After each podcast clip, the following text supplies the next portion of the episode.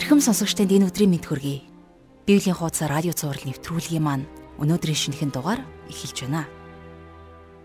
Тэгэхээр өнөөдрийн хичээлийг эхлэхийн өмнө хин нэгнийг мартах нь гим гэдгийг сонсогч таныг ухамсарлаа гэдэгт найдаж байна. Амьдралынхаа болж өнгөрсөн явдлыг эргэж санаад бид хин нэгнийг сандаг. Хэрвээ тэр хүн дэсвэр төвчээр гаргаагүй бол магадгүй дэсвэр төвчээрийн төлөө ямарваа нэгэн зүйлийг төлөөгүй бол уучлж өршөөгөөгүй бол үдээ зэрэгтэй явахгүй гэдэгт бид ойлгодог. Христэд итгэгчид бид Есүс миний оронд байсан бол яах байсан бэ? Есүс миний төлөө юу хийсэн бэ гэсэн энэ хоёр асуултыг өөртөө тавьж амьдардаг. Тэгэхээр энэ хоёр асуултын хариулт бол түн шиг уучлах хэрэгтэй. Түн шиг бусдыг хайрлах хэрэгтэй гэсэн үг юм. Еврей номыг судалж байх үед энэ үндэстнийг хайрласаар байгаа Бурхны талаар бид хамтдаа суралцж байна. Хэрвээ та бас би түүний оронд байсан бол юу хийж чадах байсан бол Тиймээс Христэд итгэгчид бид хэрхэн хайрлах талаар олон зүйлийг сурах хэрэгтэй болдог. Ингээд өнөөдрийн шинэхэн хичээлд орцгоё. Бид өнөөдөр Еврей номын 10 дугаар бүлгийн эхний 10 ишлэгийг хамтдаа уншиж судлах болно. Ингээд эзэн бурханд энэ цагийг өргөж залбирцгаая.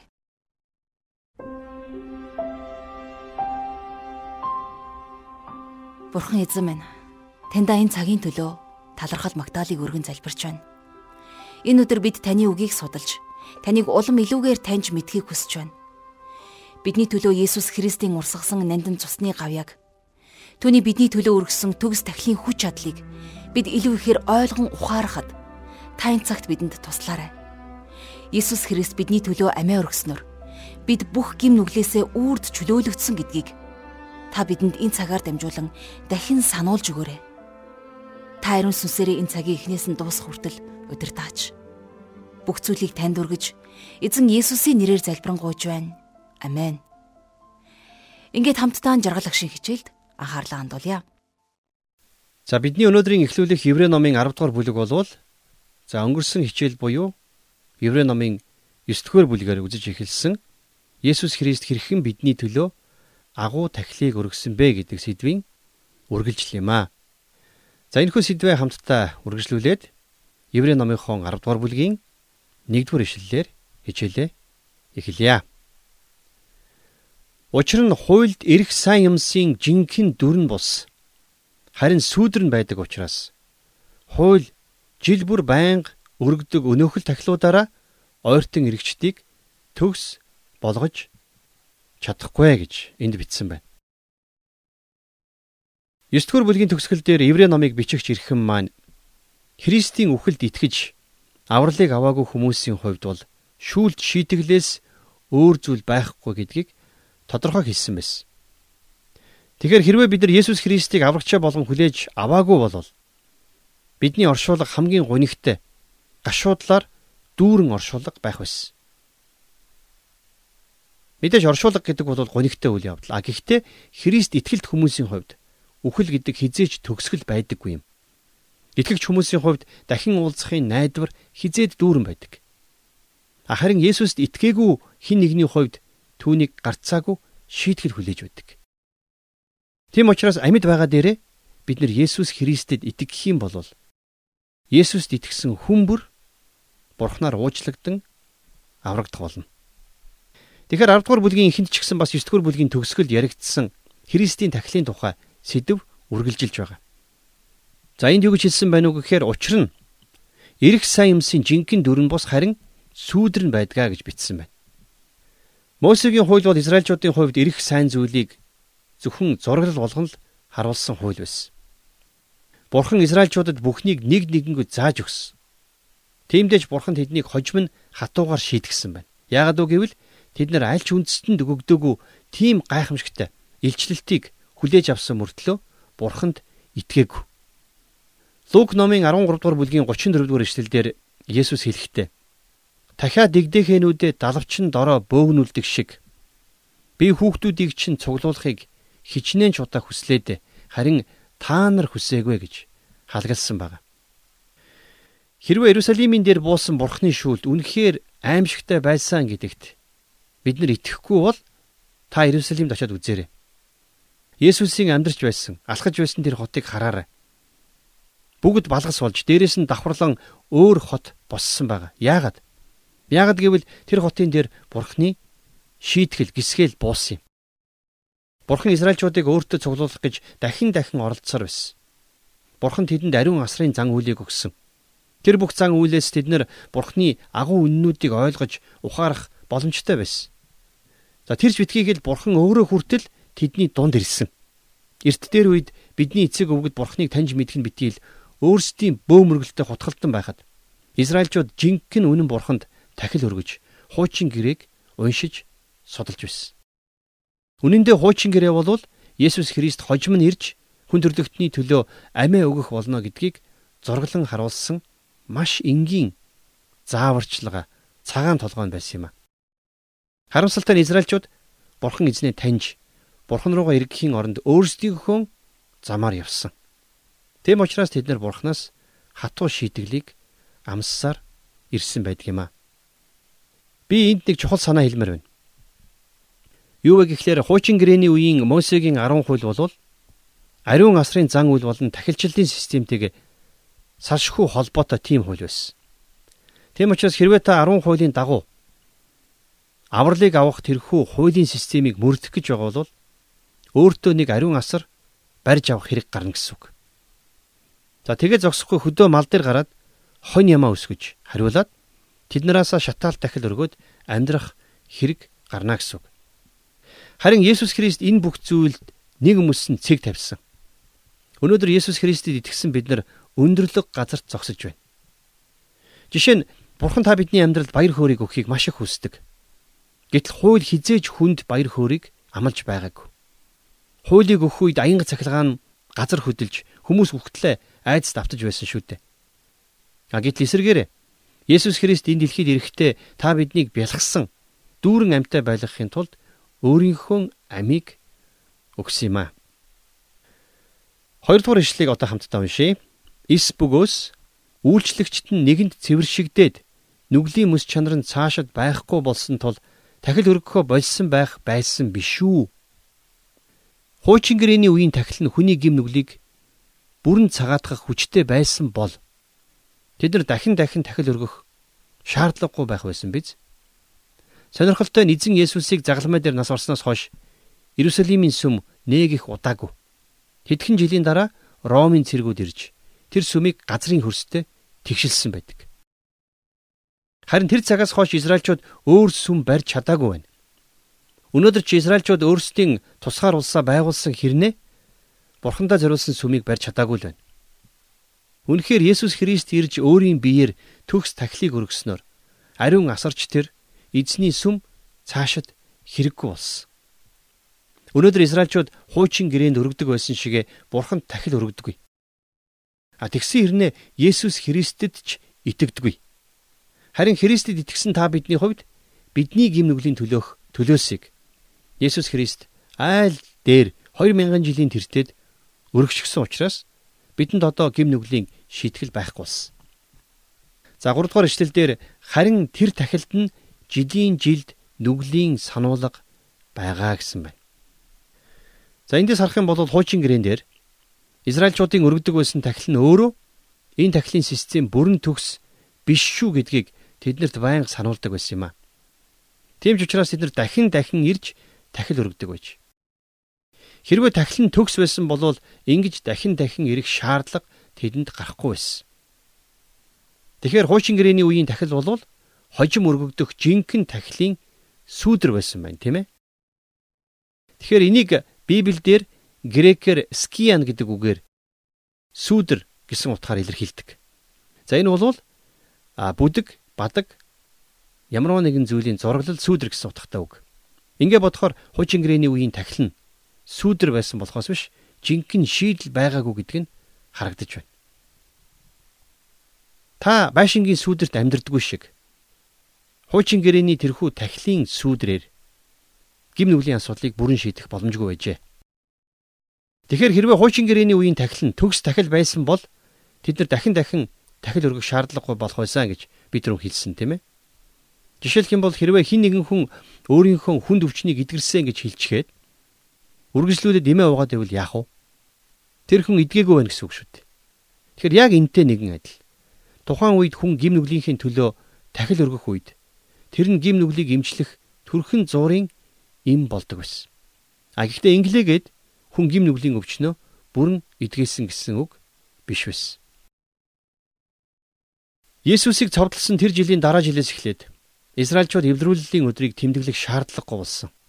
За харин ч сэргээрээ одоо үргэлжлүүлэн дахил өргөх юм бол энэ нь Христийн урсгасан цусыг үл тоосон хэрэг болно шүү гэдгийг энд хэлсэн байна. Дөрөвдүгээр ишлэлдэр учир нь бух ямааны цусаар нүглийг авч хаях боломжгүй юм аа. За энэс илүү тодорхой хэлнэ гэж байхгүй бах уу. Хуучин гэрээний үед дахил өргөж байсан мал амьтны цус нь нүглийг бүрэн зайлуулах биш. Харин Бурхны хураг болсон Есүс Христийн жинхэнэ төгс тахил өргөгдөх хүртэл тэр гим нүглийг төрхөн зур халахалдаг байжээ. За энэ нууцыг энэ ишлэлдэр илчлэн сануулж хэлсэн байна, тийм ээ. 5-аас 10 дугаар ишлэгийг одоо хамт уншъя. Тиймээс тэр ертөнцид эрэхтэй та өргөл ба тахлыг хүсээгүй. Харин та надад бие бэлдсэн шатаалт ба нүглийн тахилыг та эс таалав. Тэгэд би үзэгтэн бурхан минь хүслэгт нь үйлдэхэр би ирлээ. Миний тухай хуйлмал номд бичигдсэн гэж хэлсэн. Дээрхийг хэлэхдээ тахил ба өргөл шатаалт ба нүглийн тахилыг та хүсээгүй. Та тэднийг эс таалав. Эдгээр нь хуулийн дагуу өргөгддгөө гэсэн. Дараа нь тэр үзэгтэн хүслийгт нь үйлдэхэр би ирлээ гэж хэлсэн. Тэр хоёр дахьыг нь тогтоохын тулд анхныг нь зайлуулдаг. Энэхүү хүслээр бид Есүс Христийн бүгдийн төлөө нэг мөссөн биеэ өргөссөн өргөлөөр ариусгагдсан юм аа.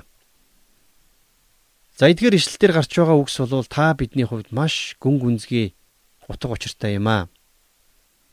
Хэрвээ бид нар гитлэл номын 19-с 20 дугаар бүлгийг харах юм бол тэнд бурхан Мосед хууль өгсөн тухай гардаг.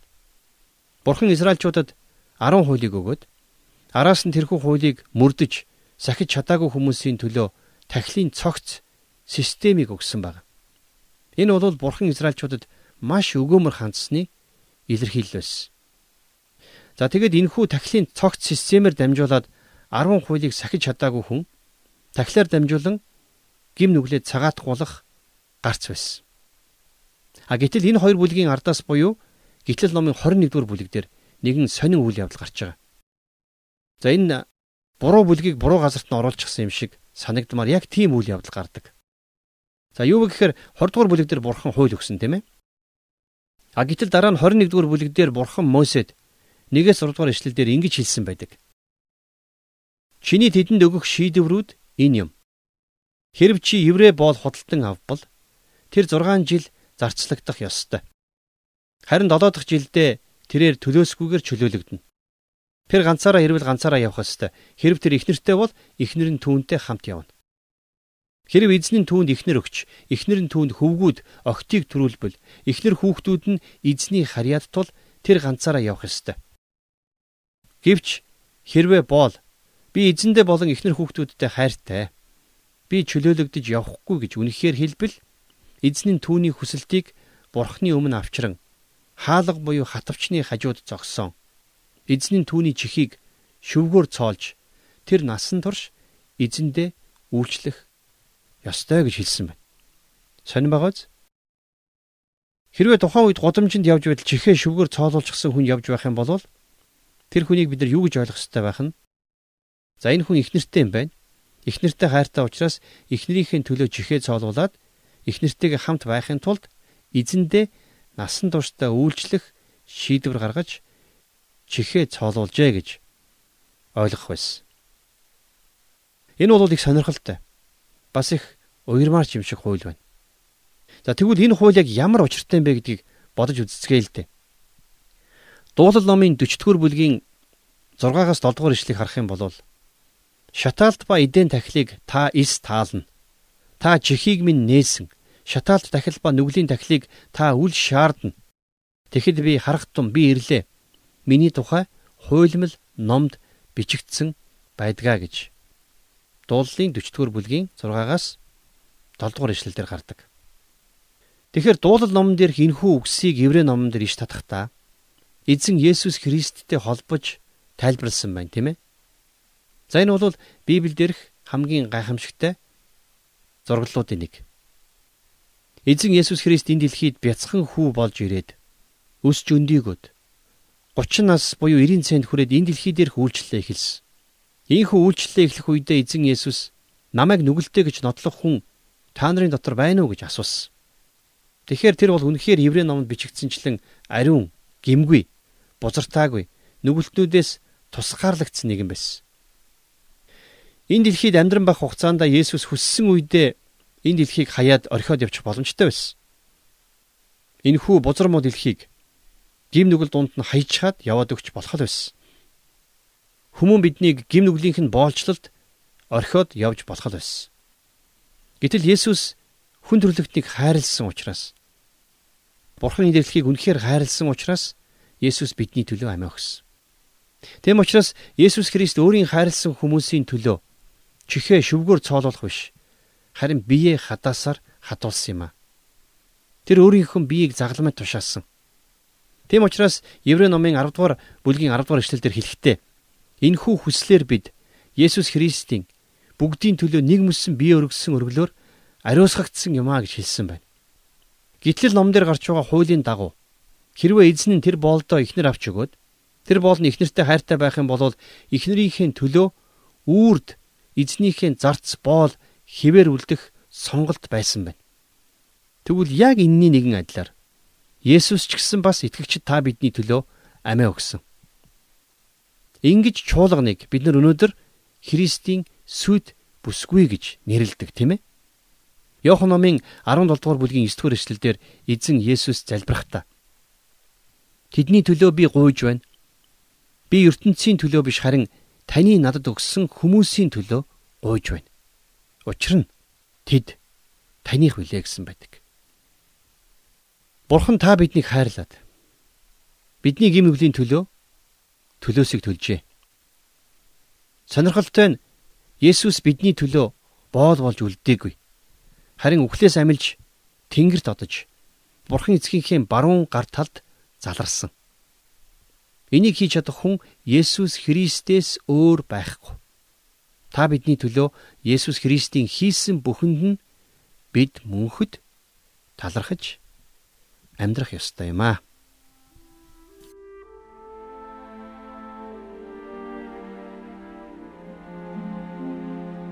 Тэгэхээр өнөөдөр бид хамтдаа Еврей номын 10 дугаар бүлгийн эхний 10 ишлэлийг хамтдаа уншиж судаллаа. Хичээлийг зааж тайлбарлаж өгсөн жаргал агштаа баярлалаа. Ийм нэгэн гайхалтай хичээлийн дараа олон зүйлийг нурших нь илүүцэв. Гэхдээ радиогоор ийм хичээл сонссон гэдгээ бусадтай та заавал хуваалцаарай. Иесусыг амьдрч байх үед түүний хайрыг амссан хүмүүс хаа сайгүй түүнийг гэрчилж байсан учраас хинч Иесусыг 3хан жил номлосон гэж хэлдэггүй. Тэр бол яруу алдартай хайрын золиос зориултаар дүүрэн 3 жил байсан юм. Зарим хүмүүс Иесусыг хаяа таардаг зоригтон эсвэл уужим сэтгэлтэй нэгэн гэж хэлж болох ч Есүсийн өөрийгөө золиослсон тэр их золиосоор дамжуулан Бурхан биднийг хайрлсан гэдгийг бид санаж явах хэрэгтэй. Өнөөдөр сонссон хичээлээ бодож тунгаагаад дахин сонсохыг хүсвэл манай веб хуудас руу хандаж болно. www.итгэлрадио.com Ингээд дараагийн хичээл хүртэл өнөөдөр сонсон сурсан болгоноо Бурханы өмнө тунгаан бясалгаж эзэнд залбиралтайгаар очицгоё. Хамтдаа залбирая.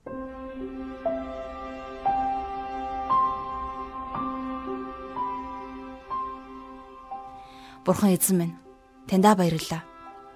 Биднийг өөрийн чуулгандаа багтааж, чуулганыг өөрийн сүйт бүсгүй хэмээн өөртөө хүлээн авсан Иесус Христийн төлөө талархлыг өргөн залбирч байна. Бид ямар их үнцнээр аврагдсан гэдгээ санаж, ямар их ивэлэр Бурханы гэр бүлд багтсан гэдгээ үргэлж ухамсарлаж, даруугаар бас баяр хөөртэйгөр итгэл найдвараар дүүрэн амьдрахад та бидэнд өдөр болгон туслаарай. Иесус Христ бидний төлөө өөрийгөө өгсөн шиг бид ч гэсэн бусдын төлөө өөрсдөө зориулан амьдрахад та бидэнтэй хамт байгаарай. Мөнхийн эзэн минь өдөр болгон бидний амь амьдралыг та ариун сүнсээрээ удирдан дагуулаарай. Бүх зүйлийг танд өргөж эзэн Есүсийн нэрээр залбирanгуйж байна. Амен.